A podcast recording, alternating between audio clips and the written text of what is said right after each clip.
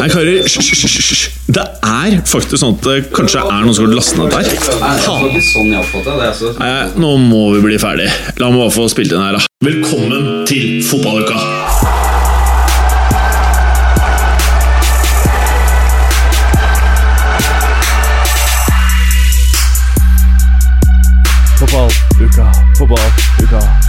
fotballuka, fotballuka, fotball, uka, fotball, uka.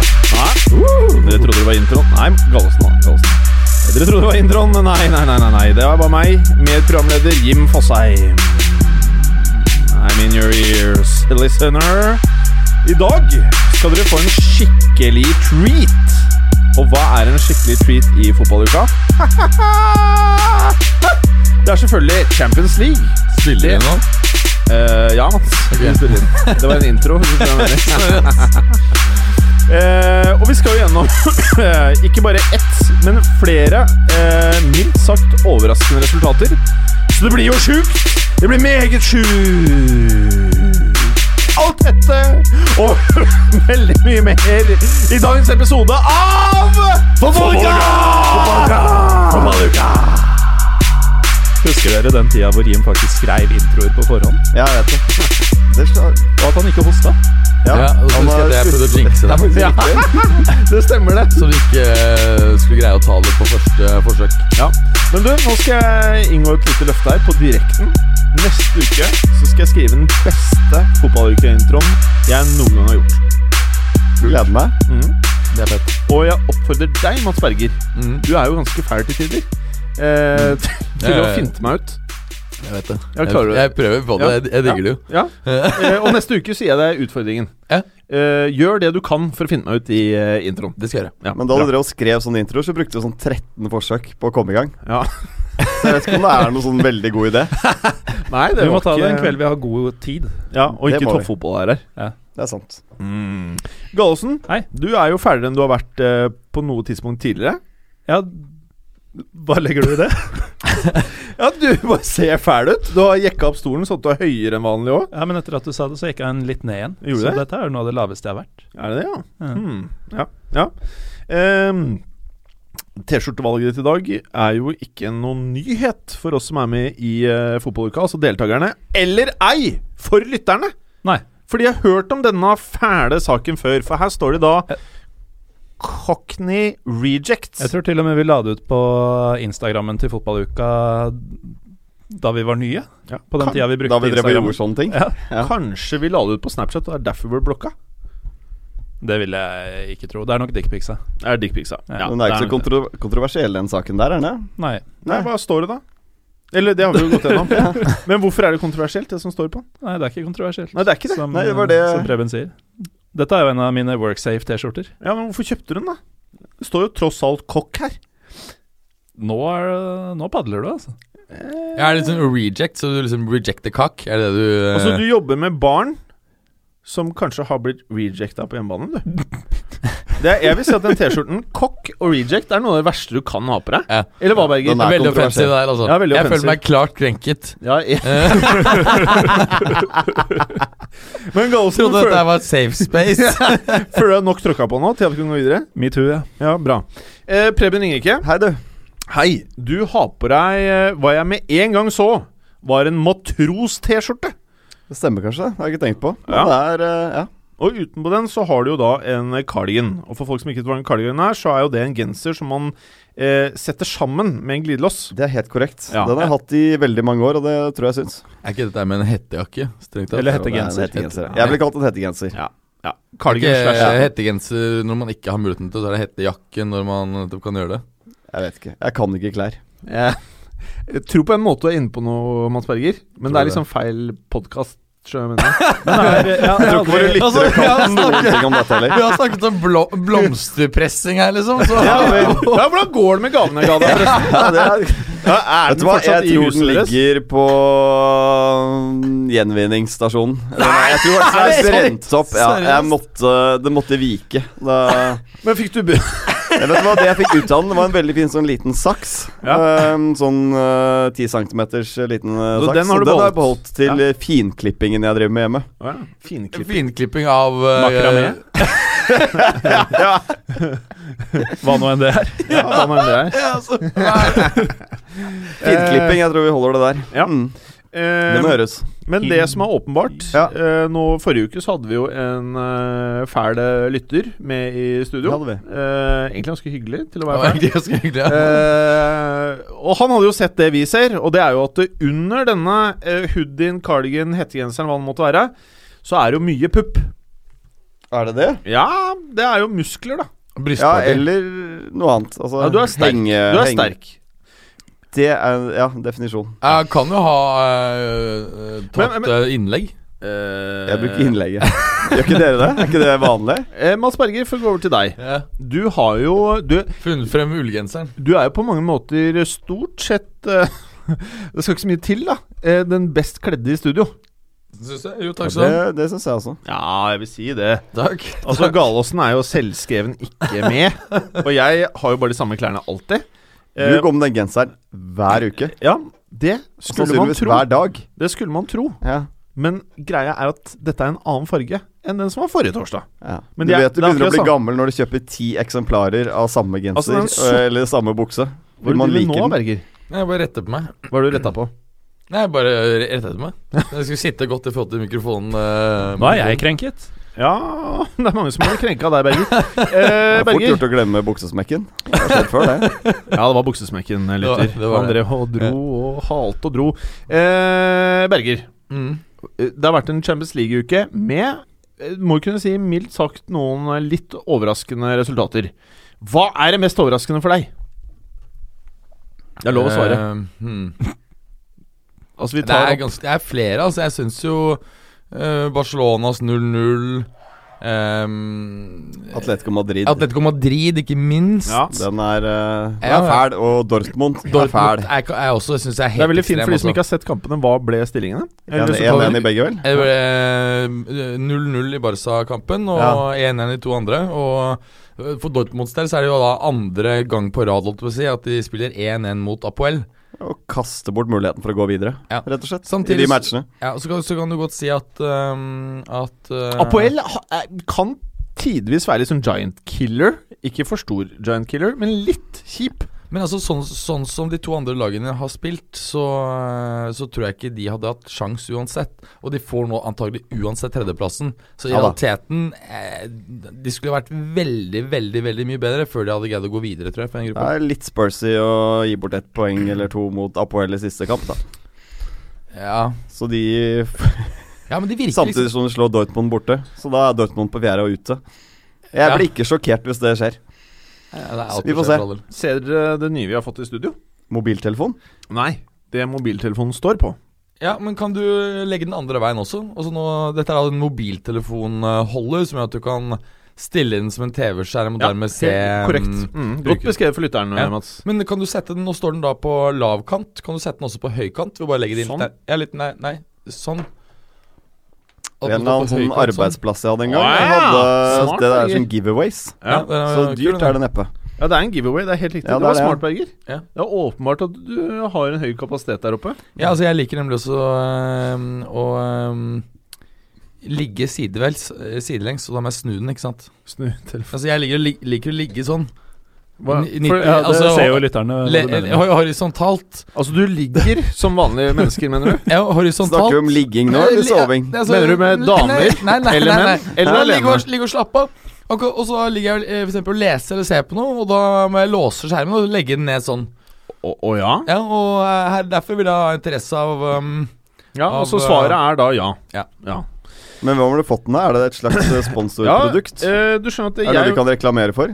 Eh, Som vi får jeg- betalt for, da, ikke minst. Eh, nei, vi får nok ikke betalt. Men jeg eh, var med på en annen podkast i dag. Og det er ikke for å svikte dere. Jeg var med på en podkast som heter Open Mind, som drives av et medbyrå som heter Mindshare. Og de hadde en livepodkast i dag hvor jeg var eh, gjest, da, for å prate om podkast i Norge. Blitt så svært, vet du. Ja da. Moderns medias. Uh, Gallosen, la oss gå rett på Champions League. Vi veit du digger dette her. Men vi har ikke fylt eh, hele ti minutter uten å snakke om fotball ennå. Skal vi virkelig sette i gang allerede? Uh, vi kan vente i fem, fire, tre, to, én Ti minutter! Der. Da kan vi starte. Uh, Manchester United møtte Benfica. Hvordan gikk dette her, da? Det gikk som det alltid går når United møter Benfica. Ja. Uh, keeper Mile Svilar skårer selvmål. United vinner. Eh, nei, det er ikke så veldig mye å si om den kampen. United vinner 2-0 i en kamp hvor de uh, ja, Holdt på å si de kontrollerer eh, fullstendig. Det gjør de for så vidt ikke. Uh, Benfica, som har vært et fryktelig skue i Champions League denne sesongen, eh, de har tapt Fryktelig skue, altså dårlig. Ja, fryktelig er da Vært veldig dårlig. dårlig. Et, altså ett skåret mål på Ja. fire kamper og 1-10. fire tap. Og dette var jo laget som eh, vi trodde skulle gå videre sammen Nei. med United. Ja, for de har ikke mistet noen uh, masse spillere i sommer heller. De har jo fortsatt han Jonas på topp der og Ja, Det har ikke mista mange til Benfica der, i hvert fall. Nei. Um, det at Lindløv har forsvunnet, har jo, Ja, det han har vist i United-drakta, har jo sett ut som en blessing in disguise for Benfica. Men uh, nei, de hadde jo aldri tapt de tre første gruppespillkampene i Champions League-æraen. Eh, nå har de tapt de fire første, men eh, de var faktisk gode i eh, første omgang. Lå, lå under 1-0 for så vidt, men det var uheldig i og med at ja, som vanlig. Så nå har Miles Wieler spilt to Champions League-kamper, begge mot United. Begge har han skåra selvmål i. To skåringer er jo mer enn mange spisser i Europa klarer å levere om dagen. Da. Det er mer enn. Lukaku har på de samme kampene. Ja, det er riktig. Men, men han reddet til en, en straffe her, har han ikke? Ja, og akkurat som i Lisboa, så spiller han jo en bra kamp. Og det er jo jævlig uflaks. Altså. Stakkars jævel. I, I Lisboa så, så var det jo en En dum inngripen som gjorde at ballen gikk inn. Nå er han jo bare uheldig. Han har jo slengt seg etter et langskudd. Det treffer treverket, og han i bakhuet som ligger der etter å ha vært nær å stoppe skuddet. Eh, han redda jo straffe fra Martial før dette skjedde, og, og var, som i Lisboa, uh, en tilsynelatende meget lovende keeper. Mm. Uh, og han har jo i hvert fall blitt godt tatt vare på da, av både med- og motspillere. Lukaku var jo borte og kjæla han i stykker etter kampen i Lisboa. Og han har fått veldig mye backup nå også. Knaing-kjæling, eller bare kjæling-kjæling? Jeg var i studio da United We Podcast spilte inn tidligere i dag, ja. og Ken uh, sa at uh, Lukaku lå jo med Svilar i, i Lisboa. det, jeg visste ikke at de snakka sånn på den podkasten. Har de sånn uh, F? E? den tatt den ett et, et lenger. Ett skritt lenger. EF, da er det bare å si hva faen du vil. Um, men United vinner jo 2-0. De får en straffe til, hvor det Altså, Marcial bomma jo på den første. Uh, litt sånn rart at han skulle ta den, tenker jeg. Altså, denne kampen var jo en hvor United, selv om de hadde tapt, så hadde de jo vært så klart i førersetet i denne gruppa. Eh, og han trenger jo å bare se ballen gå i nettet igjen. Uh, får jo ikke en bedre sjanse enn uh, en Lukaku? straffe. Ja, Jeg syns det er utrolig rart, altså. en straffe på hjemmebane i en kamp som ikke betyr all verden Mm. eh, mot en keeper som aldri har eh, prøvd å redde en straffe fra, kanskje. Eh, men nei da, den tok Martial, og um, den reddes mestlig av uh, Svilar. Og så er det straffe nummer to, hvor det ser ut til å være en fire mann som diskuterer og da, jeg antar, vil ta straffa. Så er det Daily Blind som bare går og henter ballen, setter ballen så vidt i mål, og 2-0-seier. Jeg syns alltid det er morsomt å si Dalai blind. Dalai. Tror Dalai- de det Akkurat som Dalai Lama, liksom. Ja, Dalai blind. Dalai blind. Men jeg ser for meg at han har sånn der mindfulness, litt som eh, Dalai Lama her. Ja. Han virker som en ganske chill type. kan du skjønne Mourinho. Han er jo keen på å vinne den matchen her og være videre. Så kan han Mm. slippe til B-laget nå de to siste matchene og Men uh, fokusere på ligaen. Så det er forståelig at han teoretisk sett så kan han jo ikke det. Fordi uh, i den andre kampen som vant CSKA, så syltynn teori eh, står faktisk i veien for United avansement. De kan bli nummer tre, men det skal jo vanvittig mye Det har til. vært, mm, det hadde vært litt gøy. Det hadde vært dritfett. Ja, det hadde vært moro. Mm, det hadde faktisk det, altså. Ja. Ikke pga. United, men bare for å se Mourinho uh, steke. Jeg merker uh, Jeg er ikke så hypp på å se CSKA Moskva videre i noe utslags... ja, steking. Det kommer til å bli stekt i pressen. Oi, oi. Hva var det du sa for noe, Preben? Jeg er ikke så hypp på å se CSKA Moskva videre, f.eks. Egentlig ikke Basel heller. Det gir meg ingenting å se de lagene i første er utslagsrunde. Jeg Jeg er, helt, jeg er helt likegyldig til de matchene de Altså den av de lagene som går videre, da. Kommer til Ja. å spille, kommer jeg ikke til å gidde å se. Jo, det kan være fett hvis det blir trukket mot et eh, skikkelig skikkelig bra lag og bare se nedslakting. Det er det eneste. Ja. Men de er jo ikke så ræva heller at det blir ordentlig kjøttkverna.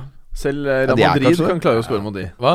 Kanskje selger Real Madrid klarer å skåre mot. Selv Real Madrid. Eh, det var jo en annen match her, da, som Preben poengterte her. Ja, den eh, meget eh, Den høyinteressante, vil jeg si, kampen mellom Basel og Ja, det det?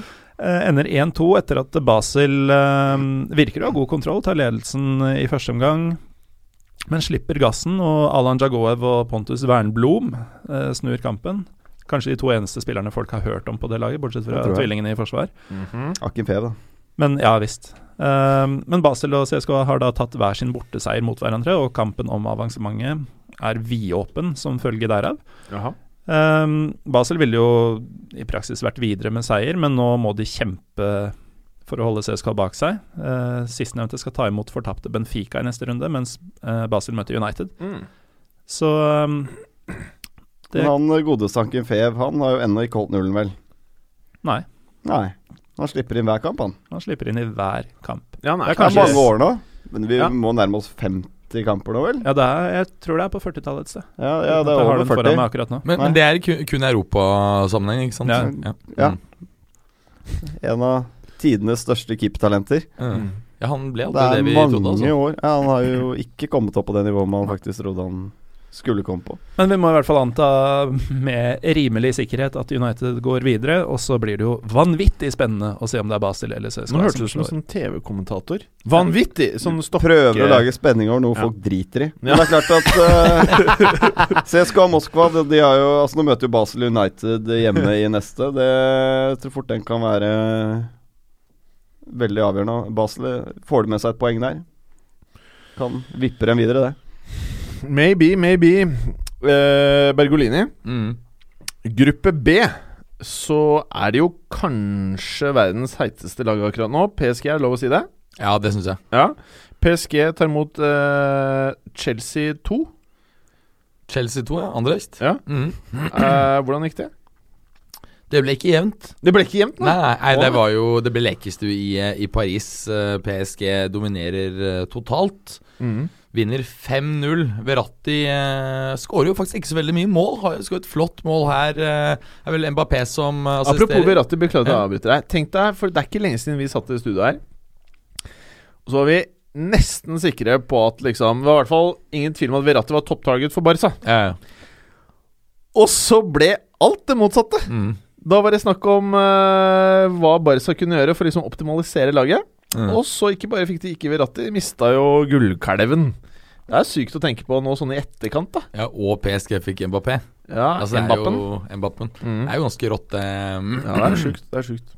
det, den, eh, den linjen foran der. Men eh, Verratti skårer et flott mål. Eh, Neymar også har et, eh, et mål til før pause. Slår en kort corner selv.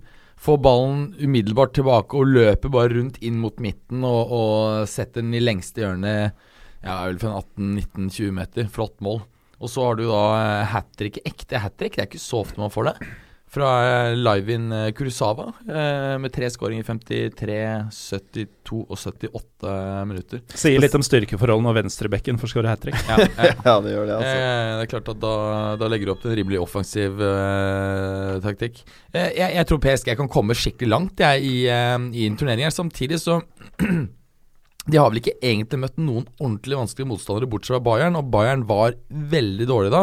Hvordan kommer det her til å gå nå? Er det, ikke, er det neste Det er vel neste runde Bars, nei, eh, Bayern tar imot eh, PSG. Og de har jo sett uh, mye bedre ut etter at Jupp eh, kom tilbake, så det blir ekstremt spennende å se, å se det, altså. De møtes i siste runde. Det er PSG hjemme mot Celtic i neste. Ah, så siste runden. Ok. Mm. Mm. Men uansett, jeg er helt enig med deg. Jeg, jeg syns ikke PSG har blitt ordentlig testet enda i Champions League. Og den hjemlige ligaen er, er vanskelig å se opp mot Mm. altså et europeisk toppnivå. da Ja. Men de, de ser jo veldig, veldig bra ut. Men uh, ja, et av de som ser absolutt best ut. Ja. Kanskje bare faktisk City, som jeg syns uh, er på samme nivå. Uff a meg. Ja, Akkurat jeg er nå. enig. Ja, enig. Men jeg, men jeg syns også Barca har vært uh, overraskende, Ja og Messi har vært helt ekstrem med tanke på at uh, Dembélé ble skadet uh, umiddelbart, og Suárez er jo inne i fullstendig måltørke. Men har han fire mål hittil i år? Det har vært helt uh, katastrofe, men uh, kommer Ja. tilbake til Barca etterpå. Men det er, vi har snakket om det Valverde, hva han har gjort med laget. Det er jo største stjerna der, holdt jeg på å si, eller beste signeringen de gjorde i sommer, var jo å få en skikkelig fotballtrener. Mm. Det har de ikke hatt siden uh, Pep-tida, vel. Mm. Nei, ikke sant. Eller Tito Villanova, da. For så vidt også. Men det er klart at uh, Messi også syns jeg har vært ekstremt imponerende og båret Ja, ja. mye av dette her uh, tidvis. Men for å holde oss Men er det fair å si at uh, de for første gang ser ut til å ha et skikkelig forsvar, og en keeper som er helt på høyde med Forsvaret? i Barca? ja. Mm. Absolutt. Jeg føler egentlig at det er et sånn ukarakteristisk uh, når, når, du- når du ser eh, lagoppstillingen, så er det ikke sånn at det slår meg at uh, det, det er jo selvfølgelig de har Messi og Suárez, navn og alt det, men det første som slår meg, at uh, her er det bra forsvar, plutselig. Mm. Og så har du i tillegg økt løpskraft med Paulinho, som Mm. også selvfølgelig bidrar eh, i en del sammenhenger.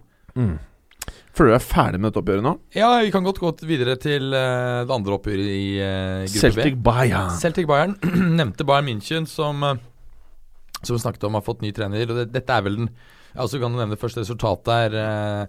Bayern vinner 2-1 borte mot, mot Celtic. Jeg synes det, er en, det er en overraskende jevn kamp i forhold til sånn Bayern har fremstått i de første kampene under Jupp Heinkes. Eh, men jeg syns man skal gi Celtic litt av, av her. Altså, de spilte bra. Eh, nå greier jo likevel eh, Bayern å, å, å ta med seg seieren, men det var ikke veldig overraskende. Litt interessant er jo at det var Det er ikke så ofte man ser assists til keepere, men eh, Neuers understudy, holdt jeg på å si, han uh, Ul Ulreich, han heter.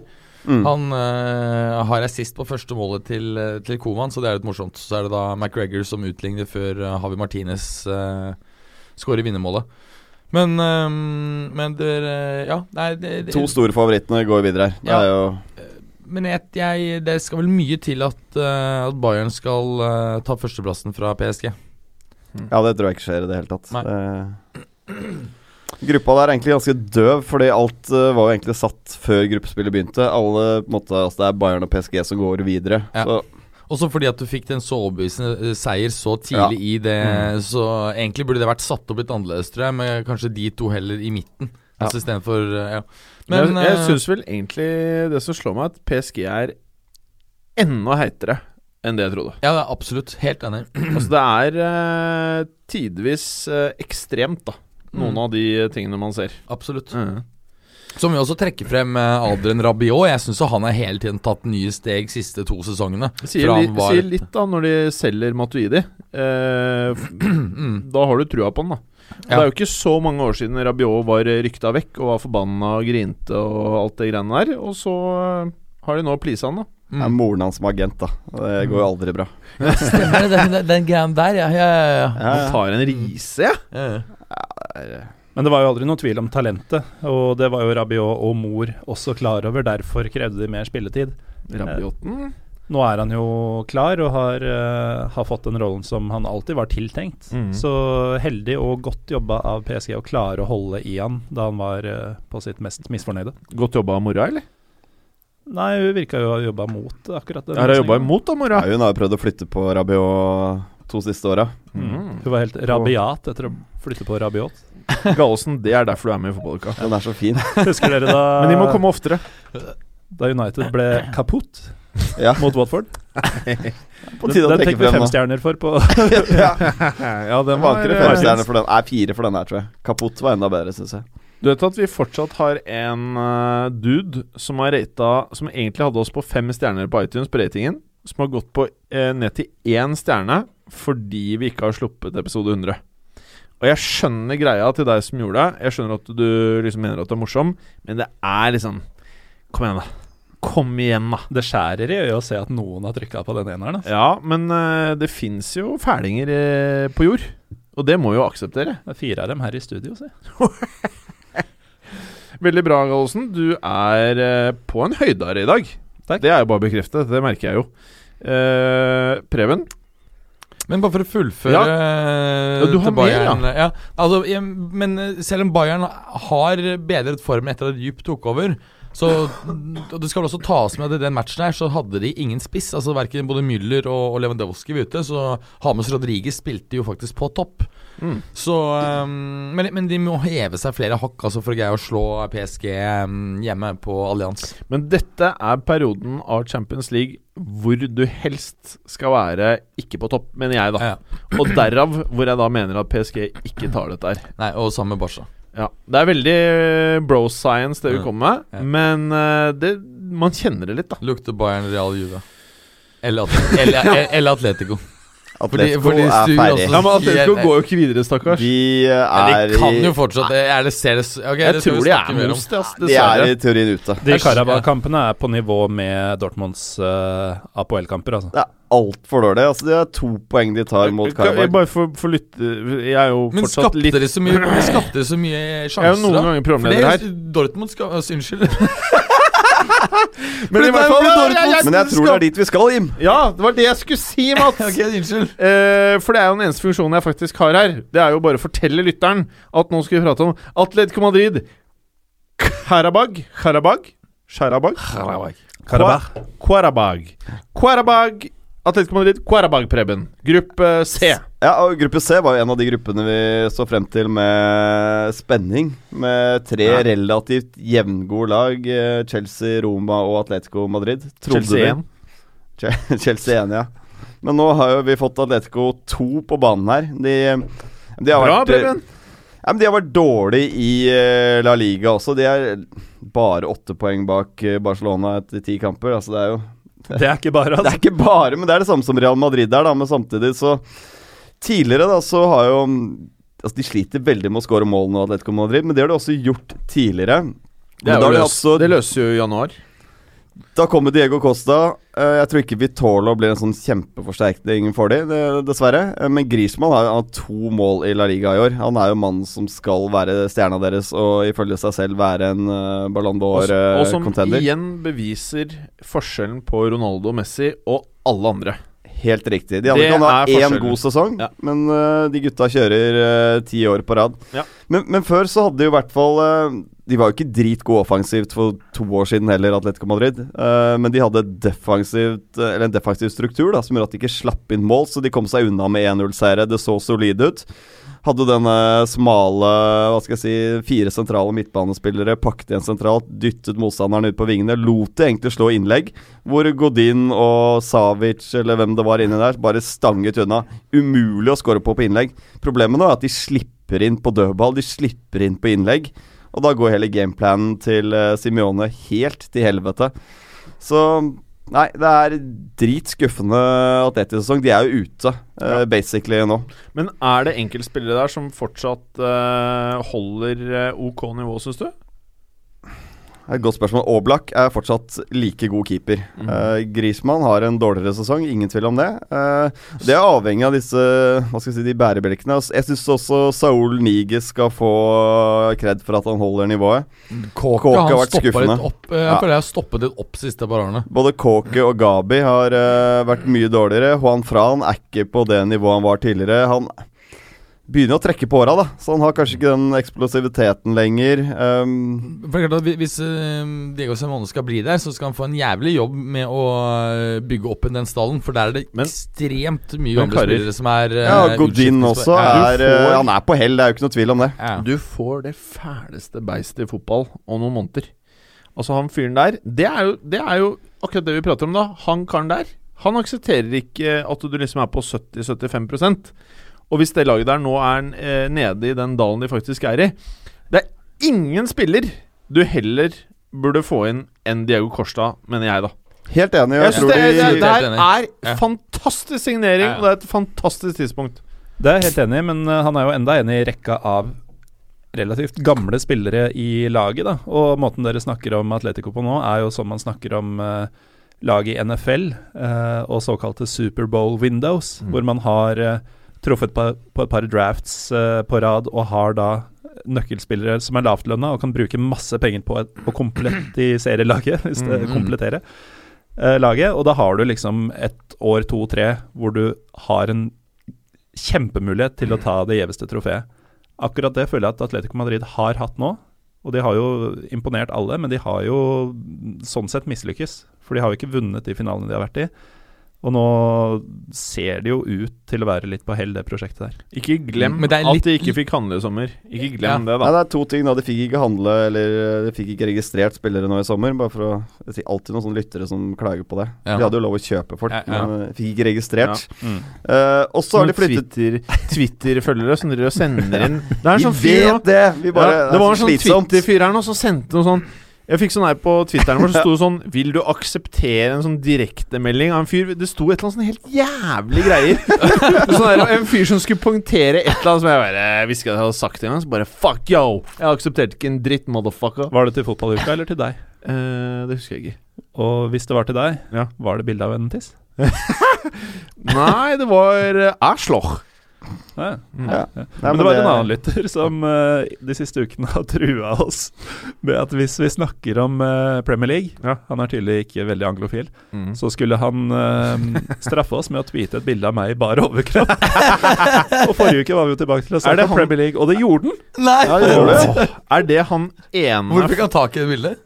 Det ligger tydeligvis på nettet. Altså, Fotballuka har blokka én følger opp gjennom uh, ganske mange år med produksjon. Det er antagelig samme fyr, fordi ja. han eh, begynte å legge meg i tweetsa fordi han sa at fotballuka hadde blokkert den. For at det han Han var Og du, du hører på nå, du. Du er en fæling. Det veit du. Du veit det, du. Du vet hvorfor du er blokka. Jeg Ikke- ikke, ikke, ferdig, da. Ja, ferdig, ja, ferdig. Ja, Men det bildet var jo fra 2009 eller noe sånt, og da Men han var Jeg det syns det så bra ut, Morten. Ja, ikke sant? Ja. Hadde Men, gjort, eh, Var ikke veltrent kropp, men det var kropp. ja, Var det det bildet Margaret liksom fant på nettet, og så, og så liksom bare tracket hun deg ned? Det var det som og- starta det åpne Det forholdet. var en langhåra Galåsen. Litt av Men jeg skjønner appellen. Med en gang man- med en gang man Ja, men Dere får bilder nå, gutter. med en man ser kroppen, så får man lyst til å smøre den inn med et eller annet. Du kommer fra California for det, da. Ja, ja, ja. Har ikke sånn der, vet du. Er det noen nye åpne forhold på gang, eller, Gallosen? Nei, nå er det ganske knusktørt. Det er tørt, ja. Men uh, til han der som tweeta dette greiene her, han var faktisk litt funny der. Ja. Så det er nesten så skal vi kjøre en poll på om vi skal unblocke han på Twitteren vår. Ja, gjør det. Skal vi gjøre det? Jeg gjør det. Men hvis, hvis han begynner å bli fæl igjen, da, da er jeg rett ut, da. ja, Nei, nei, da, må, da har vi ikke noe valg. Må vi bare ha han. Nei, da skal vi kjøre en ny poll om vi skal blokke han. Så alle behandlinger hans skal polles. Alle, alle tweetsa hans er jo tydeligvis i kjølvannet av en ny episode. Så vi kan f.eks. hver søndag når det har gått et par dager, så kan vi kjøre en sånn aftenspoll om, eh, om hvordan vi skal behandle vedkommende. Ja, vi kjører poll på den. Du veit hvem du er, vi skal polle deg nå. Eh, Preben, vi prater jo egentlig om fotball. Ja, det jeg skulle si da, det var det med registreringsgreiene. Det er én ting. Og så kan du jo også få lov å skylde på at de har fått ny hjemmebane og trenger litt tid på å komme inn i den, uh, ja, hvordan den funker. Men, men det forklarer ikke hvorfor de taper dueller mann mot mann likevel. Så Men det er dritskuffende sesong av Atleti. Så blir jo Europaliga dette her. Kanskje trenger litt massage. Men det- Carlo. Men det er mindre katastrofe i ligaen enn man skulle tro, er det ikke? Det er de på Jo da, de har fem seire og fem uavgjort. Mm.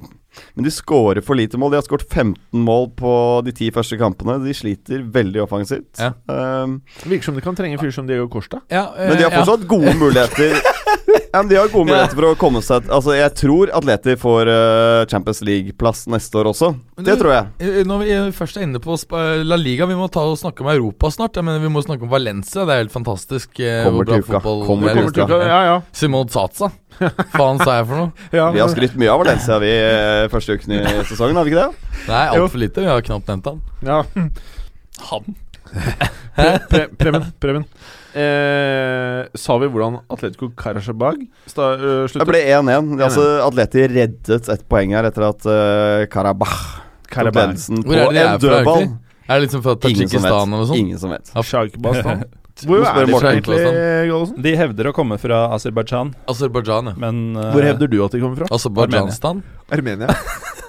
Altså, det faktiske området som heter Karabakh, er jo under armensk kontroll. Eh, men det er jo uh, en våpenhvile fra 1994, så det er jo ikke en endelig avgjort Men disputt. disputt. du står på den, på den armenske siden? Ja, altså De som kommer derfra og bor der, er jo armenere. Eh, men landområdet tilhørte Aserbajdsjan inntil Armenia tok det på begynnelsen av 90-tallet. Ja, okay. De tok det. Mm. Det er pent. Du, eh, nå som jeg hører på deg nå, Mm. så kommer jeg på en spalte som blir innføres i eh, fotballuken. Mm. Eh, og det er spalten som bare heter Pyro Pivo. Altså, Ja. altså Pyro Pivo-spalte, hvor det er sånne ting som dette her. Sånn her avtale fra 1994 om Sharabag i. Armenj. Men da må kan vi du lage sånn liten sånn Fun- fun facts er Balkan-trompet som kommer før den. Eh, Godeste Preben. Eh, Roma 1 mot Chelsea 1. Ja, det var altså den kampen her eh, Sammen med Napoli City Så var det den kampen her jeg hadde sett mest frem til Sånn rent underholdningsmessig Synes det er fair Basert på det første nå- matchene Eh, Hva, hva, hva synes dere faktisk om at jeg calla en dårlig sesong for Chelsea? Er det Jeg er ikke helt off akkurat nå, eller? Jeg har det litt i notatene mine her Fordi offensivt så brant jo Chelsea en haug med sjanser her Det endte jo 3-0 til, til Roma Eh, Ganske jevnt spillemessig men, men Roma er best i begge 16-meterne Og spesielt Morata har en kjempemiss Skal ikke se bort fra at han ender under 10 mål altså, i Premier League Eller Oh, lukter Var det. Premier League eller totalt uh, du sa? Det var uh, spillemål i Premier League. Ja, Under ti. Men det var El Sharawi og Perotti. El Sharawi begynner jo faktisk å bli den spilleren man trodde han kunne bli for Fem-seks år siden. fem-seks år siden. Ja. Men det virker som mange spisser faktisk får det til i eh, Roma. Mm. Mm. Mm. Så dere målfeiringen eh, Perotti El Sharawi, eller? Perotti stakk fingeren godt opp i ræva på El Sharawi. Han gnei ganske lenge. ja, ja, og El Sharawi smilte jo fra øre til øre etter at han hadde fått fingeren opp i ræva Mener du det? Ja, har, det, det, Ja, det er all over internett. Ja, ja. Søk det opp. Det er to smilende gutter med en finger opp i bakstussen. Det minner meg for øvrig om uh, husk, Diego Perotti uh, Har de blitt trent av Anslotti El nå, Sharawi. tenker jeg? Ja, det kan hende at de har blitt knadd litt av italienerne. Men da lærer du sikkert sånn trippel Nei, four finger. Perotti kjørte én finger. Én finger. Mm. Vet du hvilken finger det er snakk om? Pekefinger. Pekefinger. Det er den. Det er riktig. Det er helt korrekt. Og den kan sitte godt, den, ass. Hvis du skjønner hva jeg mener. Shit, nå får jeg det opp her. ja, ja, Liksom. men uh, Med tøy. Altså, fordi det jeg snakker om her, er vel tøy Shit, på fingeren. Få se, få se, det er jo en julefinger! Ja, ja, det, det er en ja, ordentlig den er fint, fin, den. Det er bare for våre lyttere å google de greiene her. For det, det er noe av det drøyeste Hva er det målfeiringen du jeg har sett. googla, Berger? Ja, hva- sånn du ser, du lytte. ser, Nei, og du ser det på armene også at han bruker Sharawi. muskler på å kjøre. Det er ikke sånn at han kommer Ja, bort ja. sånn. Du ser smilet til El Sharawi etterpå. El Sharawi er dritfornøyd. En klassisk Carl Anslotti. Ja, Nei, men- det minner meg om ja. en historie, hvis vi kan ha Ja, ja, vi kan bare se på. Eh, En, eh, hva blir det, venn av en bekjent for mange, mange år siden. Og det er en venn av bekjent. Ja. Det er Da er det ikke sikkert alt stemmer i historien. nei, det er faktisk så fjernt eh, at eh, jeg kan ikke gå god for om at det er sant, men historien er så morsom, syns jeg, at uh, vi kan ta den likevel. Ja. Uh, vedkommende er da på et dansegulv. Ja. Um, prøver å finne noe diskomus, som Preben liker å kalle det. Det har han gjort litt for mange ganger. Og be- begynner å danse rundt om i landet. Ja, jeg hører det De gangene jeg ikke er her, så hører jeg det. Nordover. Ja. Han finner jo et fruentimmer å danse med, da, som eh, ja, Det har ikke kommet dit ennå. Men du har godt publikum. det er veldig godt publikum. han, han finner jo da ei dame å danse med, og det er se Skal Morten få fortelle historien sin her? Nå dør Mats. Se her!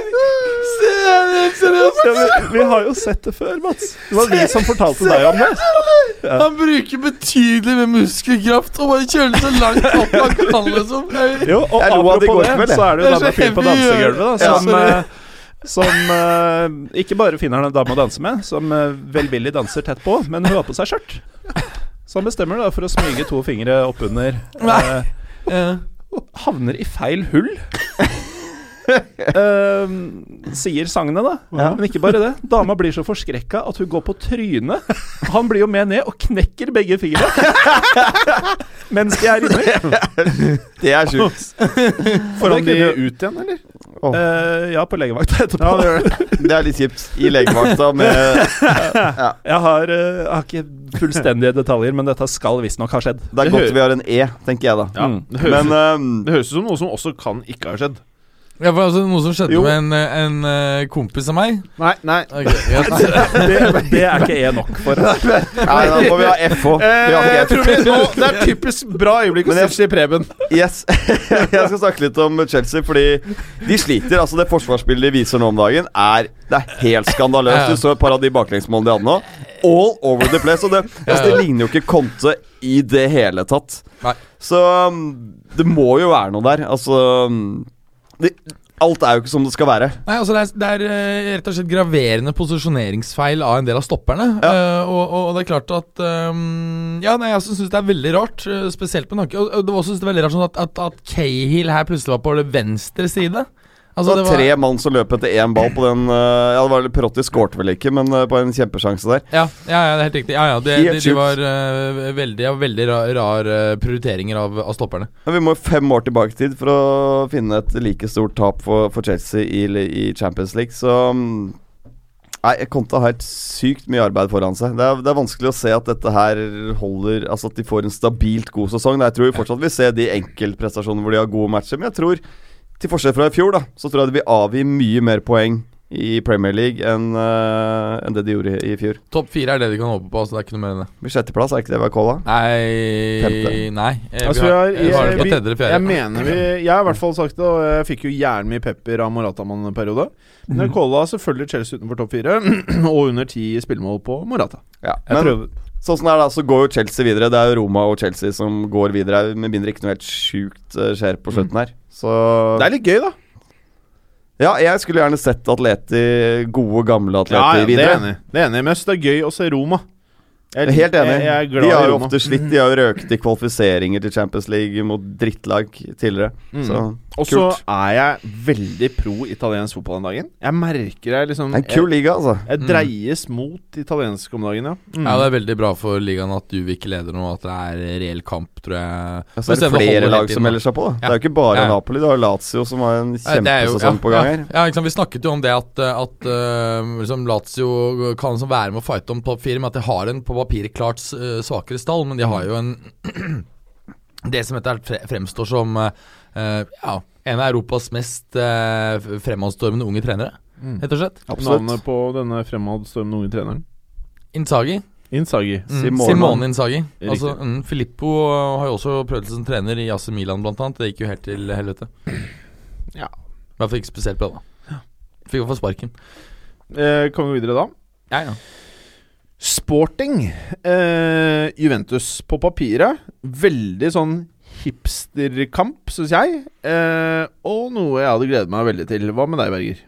Ja, ja, øhm, Nei, de har ikke gledet meg veldig, faktisk. Å, sier du det? Ja, ja. Eh, Juventus har jo heller ikke vært veldig god form, syns jeg, i alle matchene siste tiden. Den kampen her eh, vil jeg jo si at Juventus går inn som eh, klar favoritt på papiret, men det ender 1-1. Sporting er veldig gode, spesielt Gelson Martin, som sikkert en rekke av lytterne våre har, har hørt om. Han er jo en kjempespennende ving. Var linket bort mye i sommer, slo vel igjennom eh, sånn ordentlig i fjor.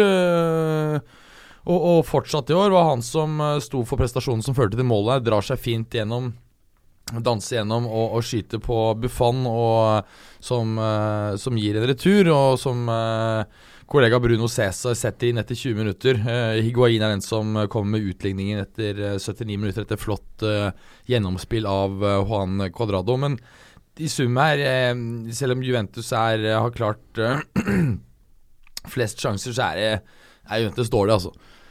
Og eh, Alexandro for eksempel, han har vært helt ræva hele sesongen, både offensivt og defensivt. Forsvaret er generelt eh, Det er ikke engang Jeg vet ikke hva som er den beste førsteelveren nå. Mm. Nei, for det var jo Altså Det var helt soleklart forrige sesong hva som var den beste forsvarskonstellasjonen. da Ja. Men er det fraværet av Bonucci mye større da enn vi trodde det skulle bli? Eh, Litt i forhold til typen han er. Ja, altså Jeg tror det er flere faktorer. Jeg tror En annen faktor også er at, uh, er at Barzali nå er klart over toppen. For tolv måneder siden så var han faktisk fortsatt like uh, Men er, jeg syns det er litt strange å se de spille med Lichtsteiner såpass uh, viktige kamper som de av og til gjør, da. Eh, ja, men det er for man har jo ikke noe alternativ. Altså Man har jo et back-problem på høyresiden der. Altså Du har jo Mathia Di Silio, men han er ikke De så kjøpte vel egentlig ikke noe annet enn han i sommer, gjorde de Nei. De ventet jo på at de skulle hente en topp-back ja, sant. uh, Altså, de beholdt Alessandro, som jeg føler var på mange måter det viktigste her, uh, egentlig. Ja, Å skaffe venstreback er jo umulig. Ja. Altså, Ja. Mer eller mindre. Ja, Mm. Det venstreback er eh, Det er problem å få tak i. Ja. Det er det. Hva er uh, den optimale bakre rekka til Juventus nå? Er, uh, hva mener du, Berger? Jeg vet ikke. Jeg tror at det er Alexandro, Kilini og Rugani, og så med Barsalli på høyre bekk. Lishan er rett og slett for dårlig. Er enig i det. Mm. Eller om de må spille med tre bak, da. Ja, de har også prøvd andre på høyrebekk. vet. De har prøvd han Ja. um, Stefano Storaro, som Mm. har levert noen kjempematcher på defensiv midtbane, men han er sånn, sånn potetspiller. Hvor, er han egentlig god, og hvor god er han egentlig? Men jeg syns de sliter sentralt i banen. Jeg syns ikke Pjanic det, Jeg har ikke sett veldig mye Ventus, men jeg syns ikke han har vært like bra i år som i fjor. Enig. Og så har du Men du har jo uh, Matuidi, som har vært, øh, vært Hvorfor er han på benken om dagen, da? Nei, det er også å legge rotasjon. Du vet, det her, for han er også det der å bygge opp her alt så alt skal være bra i april. Så Han gjør veldig mye rare valg. eh, Altså Bernadeschi, som kom for 40 millioner euro fra Fiorentina, har jo knapt vært på banen. Han, må- han har starta én match, og da skåret han jo, men Det, Men det er fair å si at eh, Juventus har ganske bra bredde nå. Ja, og det har skåret mye mål i år, så jeg skal ikke klage helt der. Juventus har jo satt ny uh, eh, eh, Tangert e sin egen skårerekord med 31 mål på første ti matcher eller noe sånt, som de hadde tilbake fra 56-57-sesongen. Så de har skåret mye mål, Mm. og så er det bra offensivt. Men det er bakover det er helt eh, eh, crap. Buffon, Buffon har vært bra, altså. Men Han er har, ikke ja. jeg, Ok, det er sånn denne sesongen er, men de retter opp der til sommeren. De finner en eller annen dude hvis vi ikke markerer seg en av de Hvis, hvis, hvis den bakre rekka ikke markerer seg, at den blir krystallklar eh, fra med nyåret, så finner en kar de. Eh, det Jo, her men altså, kan de, har- de har blant annet kjøpt han Benedikt Høvedes, Høvedes fra, um, fra Schalke Ja, han glemmer han litt, ja. Ja, eh, Han og han. han har jo vært skada helt frem til og ikke vært i form. Og bla, og så, liksom, så jeg så tror at det her handler om at du må få at, Bonucci var så viktig at her må du få, måtte få satt en litt ny struktur, og det tar litt tid. Ja, det er fort en kvartfinale i Champions League. Jeg, jeg også tror det, altså. Mm. Og så kommer vel Matia Caldara til sommeren, gjør han Ja, ikke det? og han er jo, spiller jo bare helt enormt i Atalanta, og må jo si det at uh, hadde du sagt spurt meg for bare noen få måneder siden, så ville jeg ratet han og Rugani likt, men jeg tror jeg rater han ganske mye over, øh, over Rugani, altså. Det, det jeg, Jeg, er litt der at uh, jeg blir ikke overraska om Juventus tar Champions League i. Nei, jeg tror ikke det. Jeg tror jeg er litt sånn man hadde et vindu de to årene, så føler jeg at det er redusert sjanse i år, men øh, Jeg tror det er for dårlig defensivt akkurat nå. ja, akkurat nå er det for dårlig defensivt. Mm. Mm. Samtidig så har man, har man øh, forbedret seg klart offensivt fra i fjor. Slik Absolutt. at Hadde man på en måte ikke mistet Bonucci her nå, så hadde man på en måte Da føler jeg meg Da har man sittet med god Ja, man beholdt Bonucci og Alves, så føler jeg meg at man kanskje har vært favoritt. Altså, jeg skal fortelle deg eh, bare etter alle år med masse tid foran skjermen Jeg føler at om to måneder så er bildet av Juventus eh, snudd, og ting er helt annerledes. Og plutselig så er de inne i en fantastisk periode hvor vi sitter her og prater om at de har sjanse til å ta Champions League. At de finner Samme situasjon som Bayern, syns jeg. De er Ja. veldig lik utviklingen. At de åpner litt rufsete, men de går videre greit i Mm. gruppespillet. Og det er jo etter jul ting skjer. Og de er begge, begge er fortsatt med i sine respektive ligaer også, kan vinne og få potensielt få en veldig, veldig god sesong. Ja, for det, det er det jeg tenkte på med, med spesielt Barca, da, som har en så at hatt en sånn knallbra start, men med en så smal stall, så ser man ofte at det blir jævlig ruglete når du kommer i, i februar-mars. Har du en kjempebred stall som f.eks. Madrid hadde i fjor, som kanskje er den bredeste stallen jeg nesten kan huske av noen klubb da kan du på holde med god rotasjon, holde et sånt trøkk i 60-65 matcher. Det er derfor jeg er litt sånn skeptisk om det her eh, ender så bra for Barca som det ser ut nå, altså. Ja, men Samtidig har Valverde vært ganske flink til å rotere. Jeg har sett samtlige kamper Barca har spilt eh, i år. Han har rotert. Altså Piquet sitter ofte på benken. Det er egentlig bare de som spiller hver eneste kamp, er Ter Stegen, Umtiti og Messi. Mm. Og Suárez. Mm. Det er fire mann som spiller hver eneste kamp. Ellers så er det rotasjon hele veien. Nå spilte Rakitic, startet på benken sist.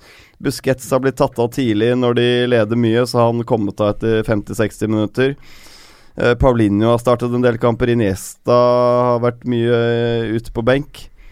Umtiti har utviklet seg jævlig Men bra. Men nå kom i prater vi veldig mye om sommer. Barcelona. Da kan vi egentlig bare gå over til Olympiakos Barcelona. Ja. Eh, ja. i og med at vi allerede er her. Kan vi ikke bare fortsette med det du sa, uh, Preben, med Barcelona? Dette her er jo uh, Kan du si noe om hva Valverde faktisk har gjort med laget? Først og fremst så mener jeg at han har begynt å involvere midtbanen igjen. Under Henrike så bare moste de over midtbanen. Altså Det var snakk om å bare få han fortest mulig opp til de, de tre gutta på topp. Ble veldig strekk i laget når du spiller på den måten. Når du skal kelke den opp til de gutta og håpe at de gjør jobben. Eh, Du kan si at de tre, da eh, MSN har jo egentlig kamuflert en del problemer de har hatt. Eh, Nå som de på en måte spiller gjennom midtbanen, så får du kortere avstander mellom, lagdelene. Når du mister ballen da, så er det ikke så langt mellom hva skal jeg si, forsvarsspillerne. da. Så har Umtiti blitt en Altså Han blir bare bedre og bedre for hver eneste sesong som går. Nå er han helt der oppe i ypperste verdensklasse. Han har alt. Altså Han er god med ballen i beina, han er rask, han er sterk. Han er flink til å posisjonere seg. Så det midtstopperparet de har nå, i Piquet og Umtiti, det er det noe som er noe bedre i Europa. Og Det er litt sånn rart å si om eh, Barcelona, men jeg ser ikke et midtstopperpar som er bedre enn de to gutta akkurat nå. Og så er det det med Neymar-salget, da. Da har du fått det beste ut av eh, Jordi Alba, plutselig. Det snakket vi om i sommer også, at Neymar-salget er ikke nødvendigvis helt krise for Barca, for da får du åpne opp den vingen for Alba. Syns jeg det er rart at ikke Semedo spiller oftere, at han bruker Sergi Roberto mye på høyrebekken. Semedo har dritgod hver gang han har fått sjansen. han. Nå så jeg i dag, vel, at eh, han er eh, antagelig ute til eh, over nyttår. Semedo. Eh, Roberto Roberto ble skadet nå. Semedo. Semedo også. Mm. han også ble skadet? Ja. Da har det et problem, for Sergio Roberto fikk seg en skade nå i 0-0-kampen mot Olympiacos Olympiakos. Så da får du et høyreback-problem, men den kan Mascherano fylle helt greit. Det er ikke noen sånn superkrise. Uh, Ter har vært dritgod. Eh, de har sluppet inn tre mål i La Liga i år, og han har reddet mye alene med keeper. Han er ekstremt god på streken. Jeg tenker Når man snakker om de beste keeperne i verden, så er det fort gjort å glemme Terstegen, altså. Men han, Han har vel helt- tatt det klyvet i senere år. Helt klart. Han, eh, han er jo fortsatt ung. Hvor gammel er han? da? 23 eller noe, uten at jeg har det i hodet. Men, Men, han men er vi inne i en periode nå eh, i fotballen hvor det er Jeg kan ikke huske en periode med så mye ba bra keepere Mm. rundt omkring i verden. veldig mye bra Enig, keepere. enig. Nå er det mye, ass! Mm. Og det er mange flere også som er ordentlige profiler. Ja.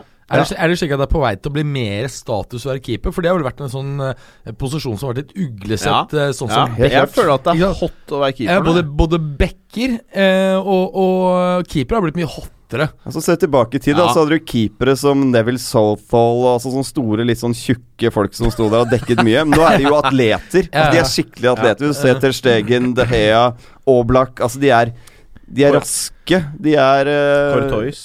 Ja. Courtois. Ja, de er mye mer atletiske da enn de, de noen gang har vært. Og så er de gode med beina alle sammen også, de beste keeperne. Og se, når Terstegen har ballen i beina, det er som å se en sentral midtbanespiller. Det er vel Altså, en av de posisjonene- Mm. Det er vel en av de posisjonene som jeg føler har utviklet seg mest. Helt klart. Keeperplassene. Eh, ja. Helt annen eh, Se jo toppklubbene nå. Det er altså Keeperen er en sentral del av oppbyggingen av angrepsspillet. Så det er ganske kult å se. Og så er jeg i en periode hvor jeg faktisk bryr meg om keepere. Før så var jeg litt sånn whatever, hvem som står bak deg så lenge resten av laget er hot. Mm. Nå er det faktisk sånn at det betyr litt uh, med keeperne, da. Helt enig. Bare for å konkludere litt om Barca, da, så føler jeg at de er mye mer et fotballag i år. Altså hvor de jobber for hverandre, de kriger for hverandre. I fjor så var det enkeltspillere og stjerner, og ikke den samme arbeidsinnsatsen. Etter mm. han ene på Barcelona, hvem er den beste spilleren i år? Hva snakker du om? eh, På laget, liksom. Å, ja, på laget. Jeg vil Mm. si Umtiti. Umtiti? Ja. Ja. Ter Stegen på tredje. Mm. Og bare kjapt, uh, om ikke korrigere, så jeg finner ikke det stedet hvor uh, jeg leste om den skaden. Så må ta høyde for at det kanskje Å, har blitt trukket. Tok du en liten pyro her? En liten Den får holde i den andre podden, ikke her. Lyvepodden. Den som lever, får se, si. Jeg tror det er så greit å ikke ha for mange stjerner på laget. Altså Sånn som type Delofeu og sånn, som var middels Everton. Han starter jo veldig ofte for Barca og gjør Mister ballen ofte, men gjør en god arbeidsinnsats, da. Mm. Så Nei, det, de har blitt mye mer lag. Ja. Og Det skal Valverde ha kjempekred for. Ja, ja. Bra. Og de er jo videre, selvfølgelig. Også den nære kampen, da. Olympiakos eh, eh, Barcelona. Er ikke fryktelig mye å si om den kampen, altså. Det er, altså Barca styrer, har ballen hele tiden, presser på. de ikke Altså, de har jo masse sjanser her til å få den ene skåringen, men, uh, men det er litt Det kan skje at det blir 0-0. Jeg tror spiller du den kampen her ti ganger, så vinner Barca den åtte ganger. Men det var den dagen hvor ballen ikke gadd å gå i garnet. Så kred til grekerne. De ofrer jo liv og, og, og helse bak der, og kaster seg inn i situasjoner. Men uh, det er ikke noe fare for Barca i det hele tatt om de får 0-0 der, og en litt rolig dag på jobben. Ingen krise. Hvordan er status i gruppa nå? Ehm, Ja, Barca er jo uh, klare for å gå videre. De topper med ti poeng, og så er Juventus på syv. Ja. Uh, så skal de møtes i Torino, så det blir altså en slags gruppefinale. Men det er klart at det er jo innbyrdes oppgjør det går på vel i, i Champions League her. Og Barca vant jo 3-0 i det første oppgjøret. Det er ganske usannsynlig. Kan skje, men sånn som står her nå, så er det usannsynlig at Juventus uh, slår Barca med tre eller flere mål. Så Nei, altså, Juve hadde muligheten i, i det oppgjøret her nettopp til å ta innpå to poeng. Ja. Og når man uh, glapp den muligheten, så er det, det er helt som du sier, helt usannsynlig at det blir førsteplass på Juve. Så er det jo ikke lenger noen automatikk i at det er en fordel å vinne grupper. Nei, Nei, det er jo ikke til å se og Besiktas vinner en gruppe her, og det er sikkert mange som vil ønske å trekke de kontra Bayern, som blir nummer to, f.eks. Mm. Men, men dette blir jo akkurat som vi sa før Champions League starta, som alle andre sa også. Barca og Juventus går videre.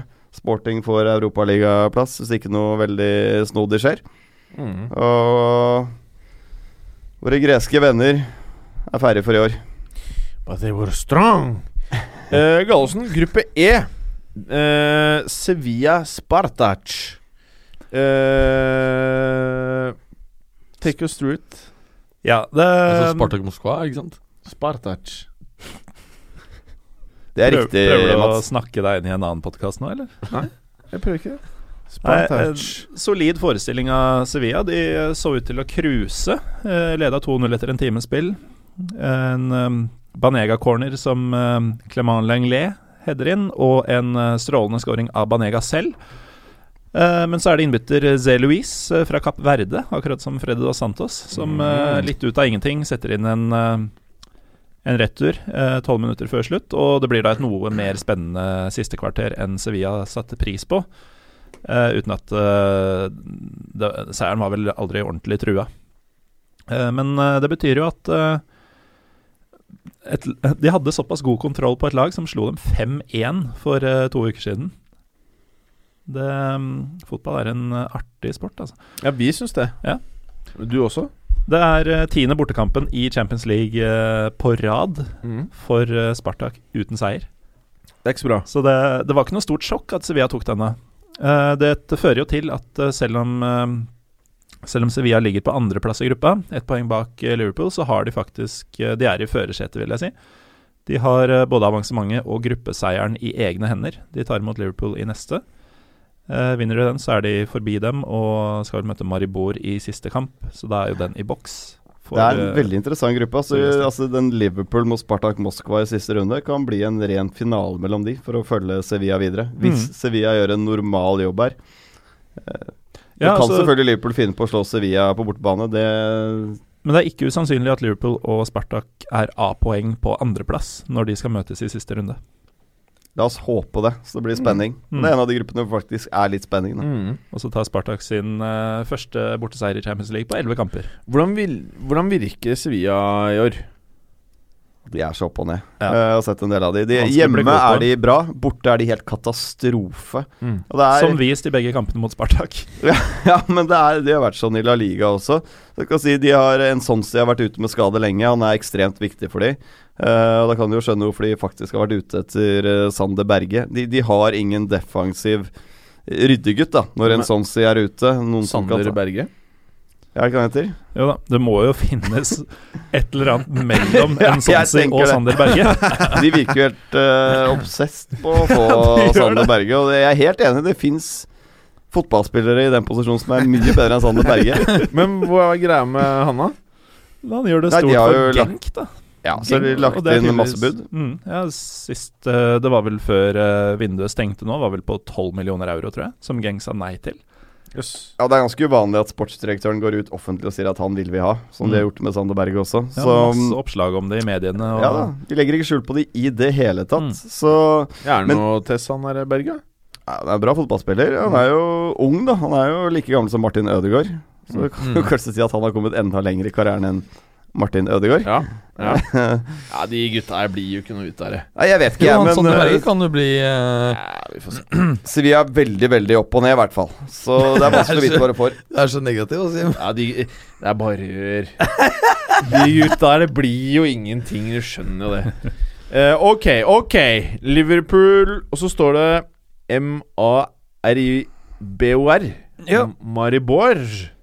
Ble jo 7-0 til Liverpool da de møttes i Slovenia for to uker siden. De, Ja. eh, de får holdt på å si ikke dusinet fullt, men eh, det blir tosifra til slutt. Liverpool vinner 3-0. I og med at Daniel Sturridge sin scoring på overtid, eh, som for øvrig er hans eh, første Champions League-scoring for Liverpool. Ja. Det er rart å tenke på. Det er veldig rart. Det var overraskende. Ja. Hmm. Men det er en eh, god gammel rundspilling, da, selv om slovenerne faktisk holdt nullen i eh, en omgang. Um, på 1-0 så bommer faktisk James Milner også på straffe. Mm. Um, og Maribors Maribor på mye straffer nå. Er det Liverpool? Er det fire straffer på rad de har bommet på hjemme, i hvert fall?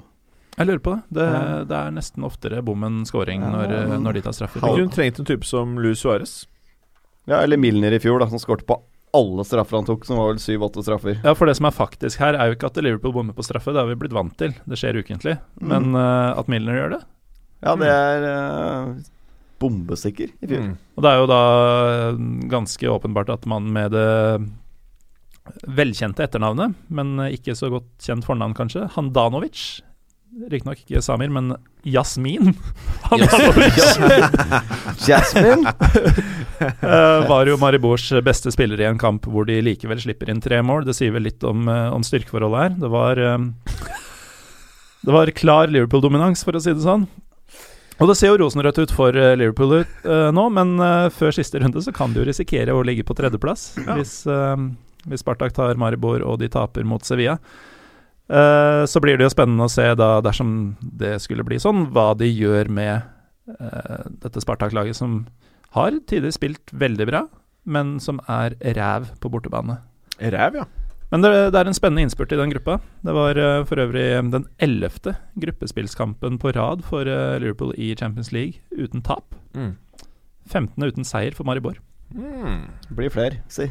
Ja, de går vel opp i 16 og 17 før, eh, før jula kommer. Noe annet ville vært sjokkerende. Hmm.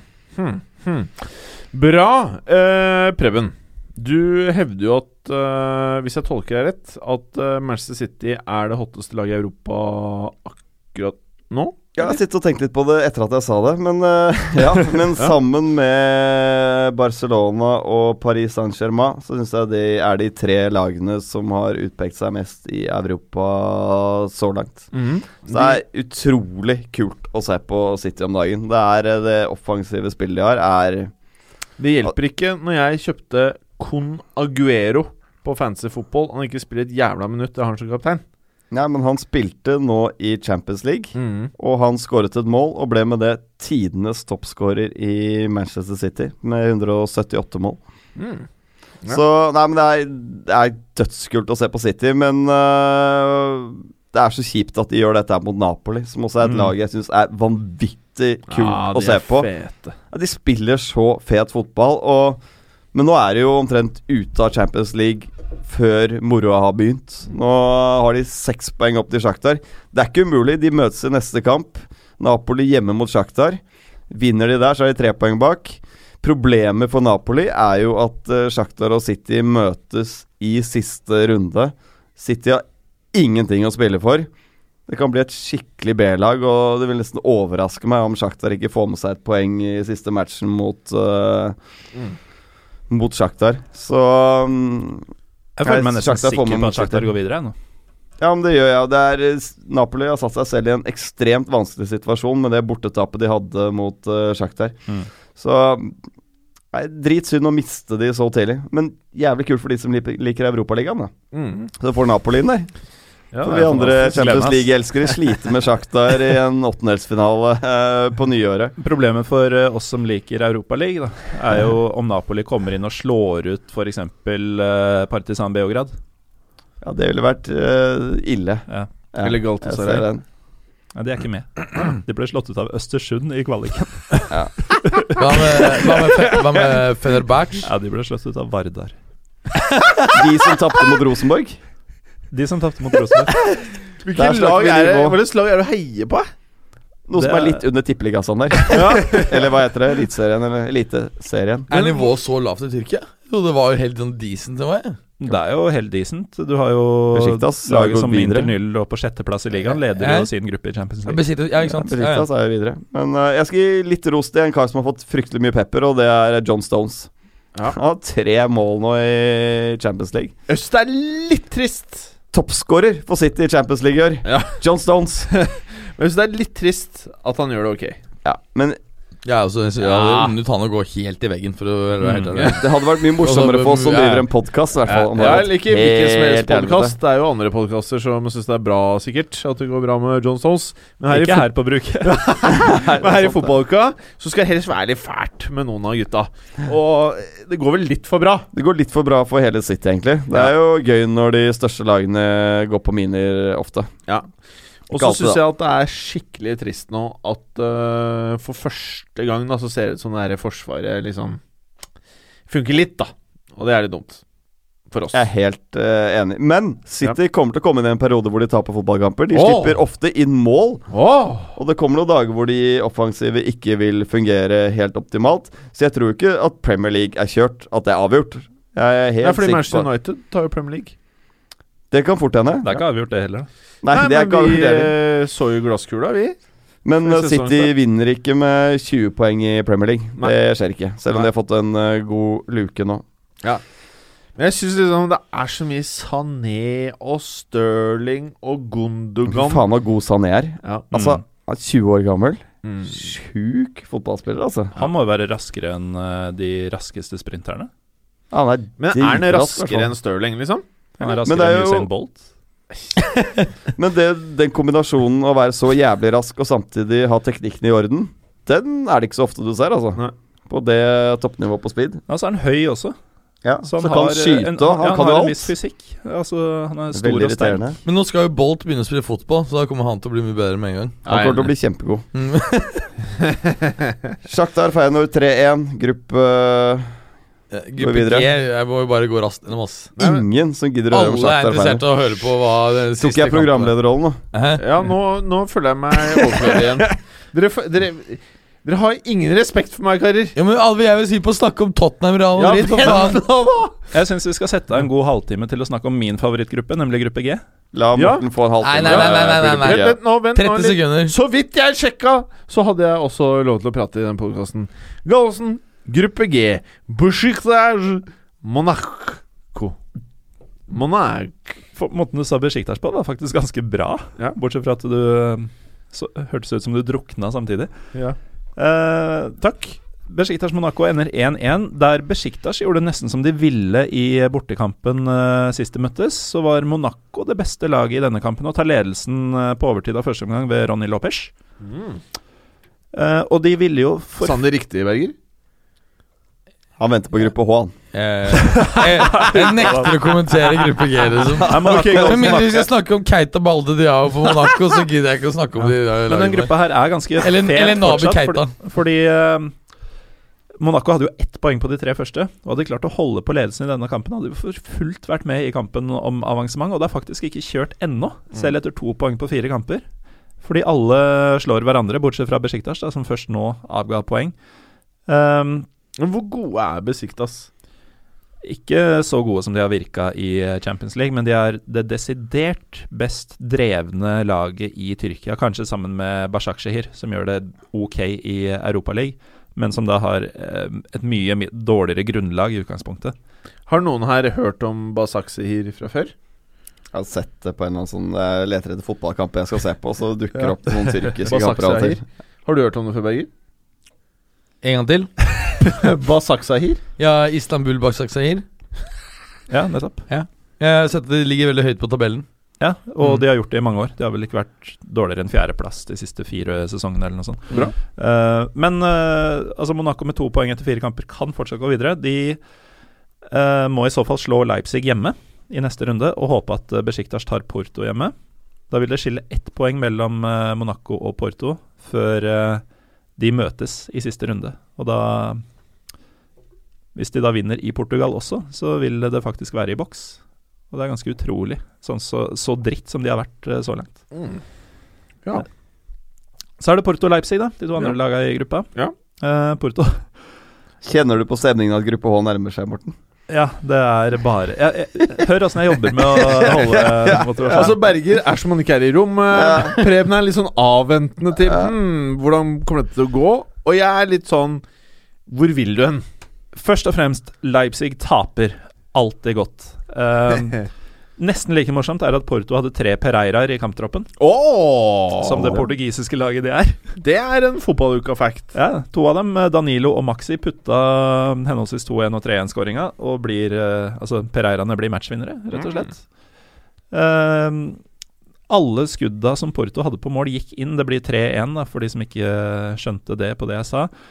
Uh, det er en stor, eller en jevnspilt kamp. Uh, 3-1 er kanskje litt misvisende. Leipzig var vel på høyde, men det er da en kontringsskåring på overtid som gjør at det ser ut som en komfortabel seier. Porto har da, i motsetning til eh, både Leipzig og um, Monaco spesielt, eh, ting i egne hender. De må unngå tap i Monaco, og deretter slå et Besjiktas hjemme, som eh, mest sannsynlig er videre på det tidspunktet. Eh, Leipzig er, eh, er i trøbbel og går mest sannsynlig ikke videre, men foreløpig er ingen lag verken 100% sikre eller ute etter fire runder. Er du ferdig? Ja, kjør på med den Ok, Berger! Hallo! Fotballuka calling Berger. Er du med? Gruppe H. calling in. Ja, for der var det jo to lag, da. Eh, Tottenham Real Madrid.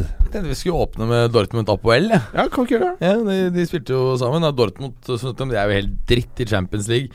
Eh, andre kampen i Champions League på rad, de spiller 1-1 mot Apoel. Forrige gang var det borte, denne gangen var det hjemme. Altså Rafael Guerreiro tar jo ledelsen etter eh, 29 minutter, men det hjelper jo ikke noe pote. Utligner for Apoel like etter pause. Dortmund dominerer så totalt som nesten ikke er mulig å gjøre. Altså Det var jo snakk om godt over 70 ballinnehav her. Eh, 17, eller var det opp mot 20 skudd på mål. Altså helt vilt. Poenget er at de greier ikke å bryte ned forsvaret. Og Peter Bosch, som kommer fra Ajax, han er vant til at måte du må spille på én spesifikk måte, Ajax way, når han var i Ajax. Og åpenbart glemt at hei, i andre klubber så må du faktisk ha en plan B. Ja, bare Og- mal på, maler på Ja, med samme Helt riktig. Mm. Og uh, uten da å prøve noe annet. Så Dortmund har vært veldig skuffende i CL. Kan likevel gjøre det bra i, uh, i Europaligaen. Og de har ikke gjort det så veldig dårlig i eh, Eller de har jo gjort det ganske godt i, uh, i Bundesliga. Starta forrykende, men de har dabba av der også. Ja. Så Peter Boss uh, Jeg tror ikke han er i fare ennå, men det er klart Det er nok mulig noen vurderer hvorvidt de valgte rett i sommer. Ja, Det var vel nesten mer sånn at vi skal ha han andre ut, mer enn at det var keen på å få Peter Bosch inn.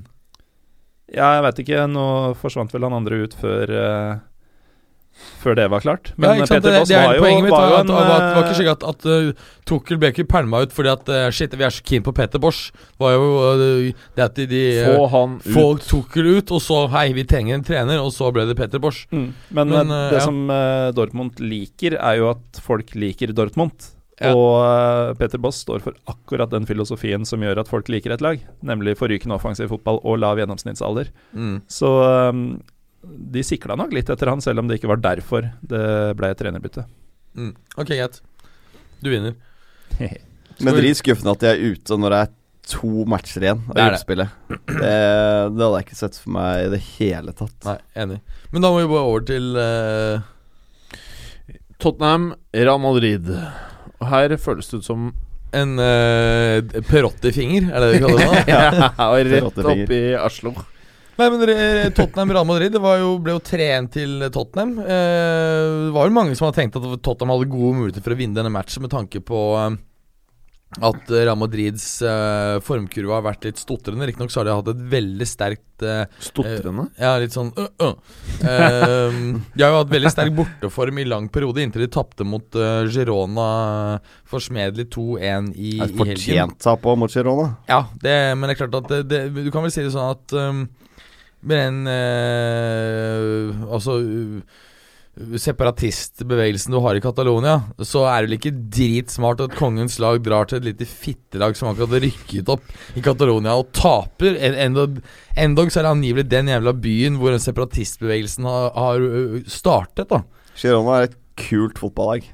Ja, mulig, men det, sett for Real Madrids del så var det disaster å tape den matchen. Ja, men det var på en måte ikke Hvis du tar den helgens kamp, da, så var ikke det Girona og gjorde akkurat det samme som de gjorde mot Barcelona. Det er bare at Real Madrid om dagen er forskjell, Store forskjellen da fra i fjor, mener jeg at nå jobber de ikke for hverandre. Når de slår en feilpasning, så stopper de opp og slår ut med armene, jogger lett tilbake. Ingen som er villig til å gå i krigen for hverandre. Ingen som er villig til å blø for drakta. Altså Når du ikke gidder å jobbe hjemover, da så blir du overkjørt av alle lag. Altså Real Madrid er et mye bedre fotballag enn Tottenham individuelt. Altså ferdighetene, individuelle ferdigheter. Mye bedre fotballag. Karim Benzema har vært helt krise i samtlige kamper i hele år i, i forhold til det nivået du er vant til å se Karim Benzema på. Det du vet han kan gjøre. Helt dritt i hele år i Real Madrid. Ronaldo har ikke vært på samme nivå som vi har sett han til. Har kommet til en del sjanser, men skyter også på helt håpløse muligheter. Det er veldig mye kjefting og smelling på hverandre. Så Og det er jo det elementære her de taper på, at de ikke går i krigen for hverandre. Tottenham går i krigen, gir alt for uh, medspilleren sin. Ofrer seg. Så det er jo det Zidane må ta tak i, virkelig. Så er det rart at han Det er vanskelig å få det til etter så heavy sesonger som de har hatt, da. Det er jeg enig i. Men, men det, Det er en altså- reaksjon selvfølgelig på at de har vunnet absolutt alt. Og da kan man igjen Vi sa jo at overgangsvinduet i sommer var kjempebra. At de ikke egentlig kjøpte inn så mye. Men kanskje de burde fått inn en som hadde utfordret de etablerte stjernene da i startelveren. Sånn at det hadde blitt litt konkurranse om plassene. Ja, jeg er helt enig. Jeg tror også Neste at type eh, som Mbappen. ja. Mbappé hadde en- hadde en helt- spilt hver kamp, han og Karim Ja. Benzema hadde sittet på benken. Ja, men, men det er klart at øhm, Du sier at, at Ronaldo Det er også et element av uflaks her. Inntil nylig så har de jo blant annet i ligaen skapt veldig mye sjanser. Det var ikke helt å sette dem. Ronaldo har uh, skåret ett ligamål på 40 skudd. Det er 2,5 uh, suksessrate. Ikke sant? Det er, uh, det er altfor lite. I tillegg så har du salgene som ble gjort det samme. Altså hadde du Morata, PP, um, Hames Er det flere? Jeg glemmer vel noen andre Ja, det er i hvert fall de store. Men det er klart at PP er jo en type du kanskje trenger i en garderobe.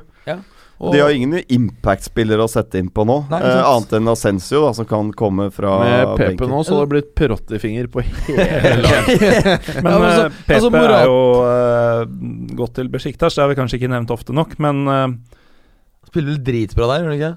jo, altså Besjiktas er ikke et lag som skal lede en Champions League-gruppe etter fire kamper, men det gjør de. Og uh, mye av det er nok eh, både selvfølgelig spilleren PP, men mest av alt mentaliteten han eh, kommer inn på treningsfeltet med, og i garderoben med. Det er helt krise at han blir borte. Ja, det er det.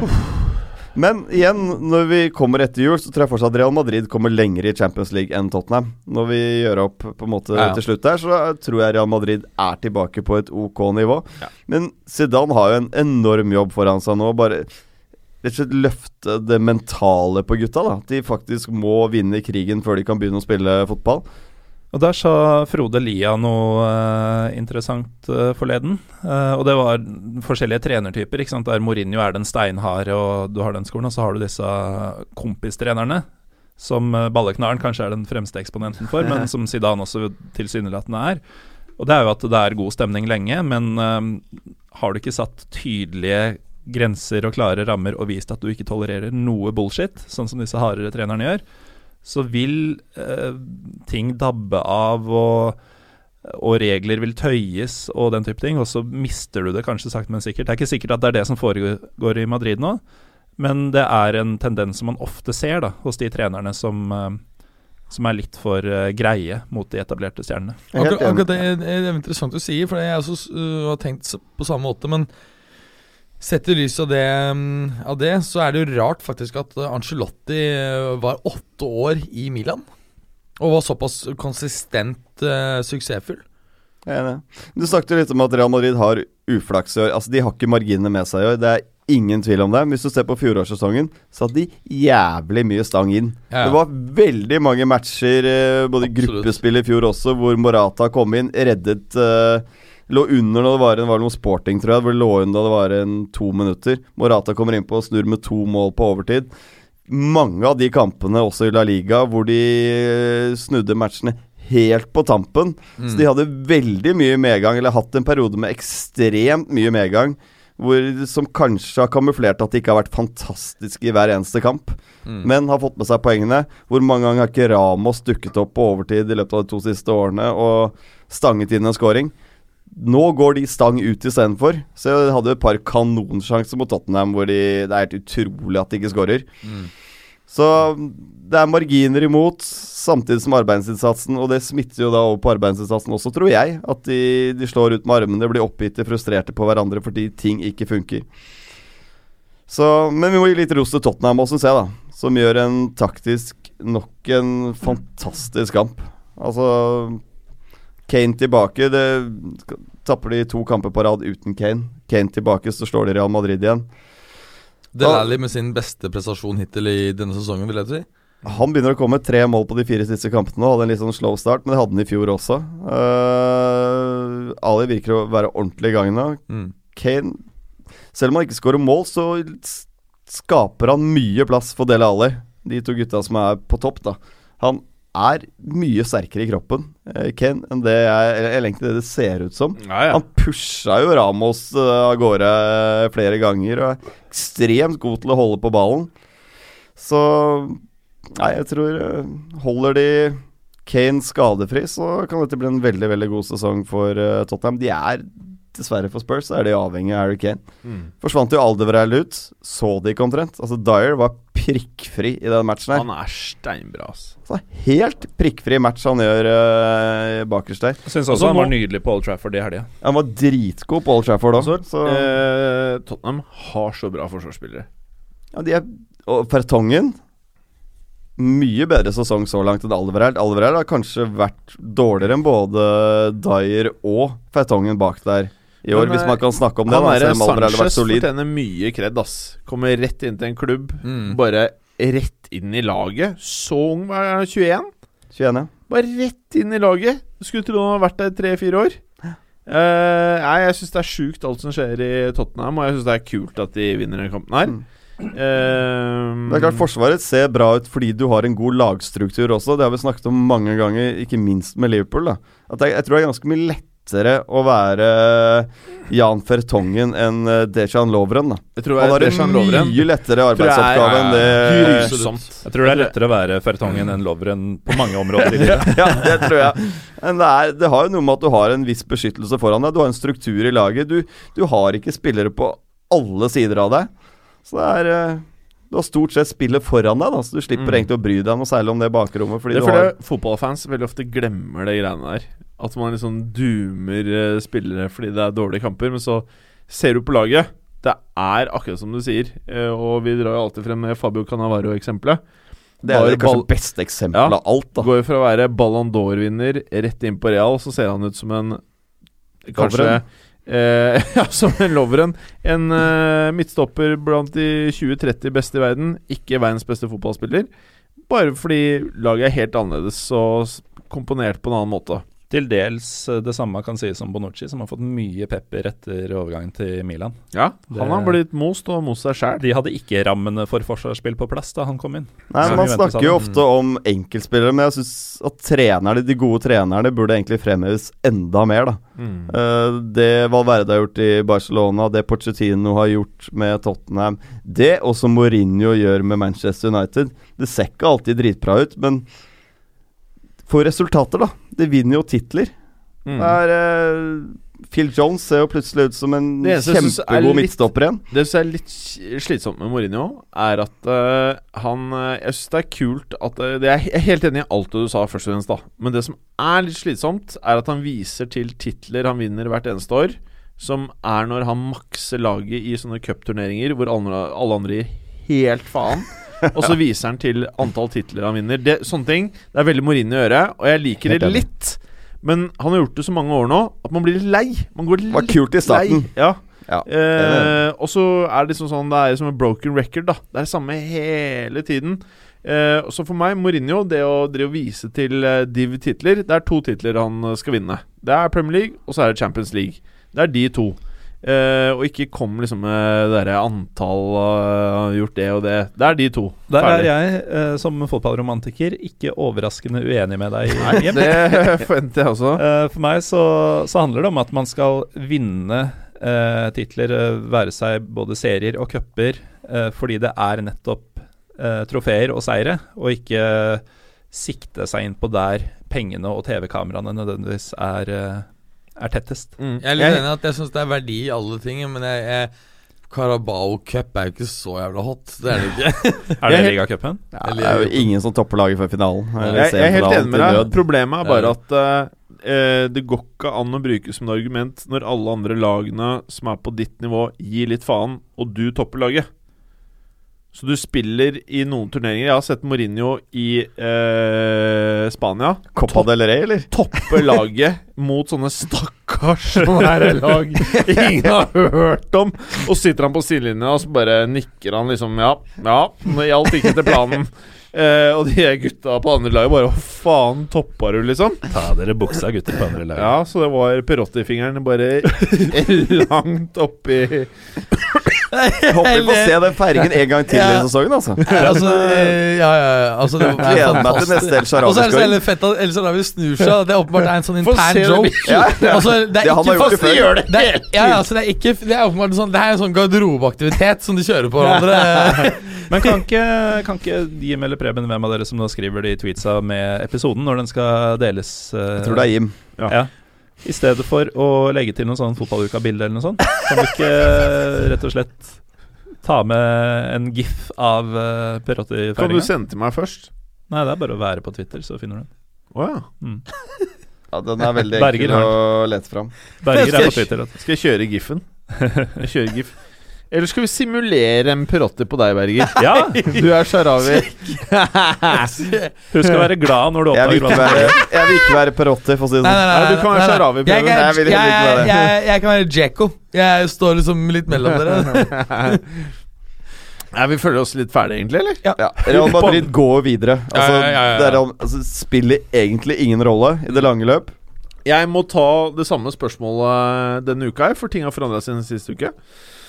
Hvem er den hotteste Tre favorittene til å ta Champions League, Berger. Um, nettopp fordi vi snakket om at de som ser hottest ut nå, de er ikke hottest til Det er Bayern, Real og City. De tre er dine favoritter. Nei, fuck kanskje United. Oi!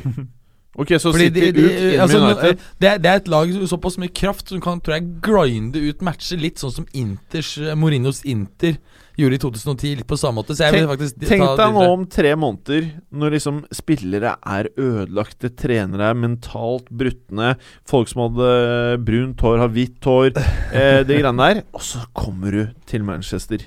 Mourinho har skinna Eh, seg. Lukaku er skada, Zlatan er skada. Setter på Fellaini på topp. Og har kjørt Fellaini gjennom sånn derre jernprogram på forhånd med fingre og det ene og andre.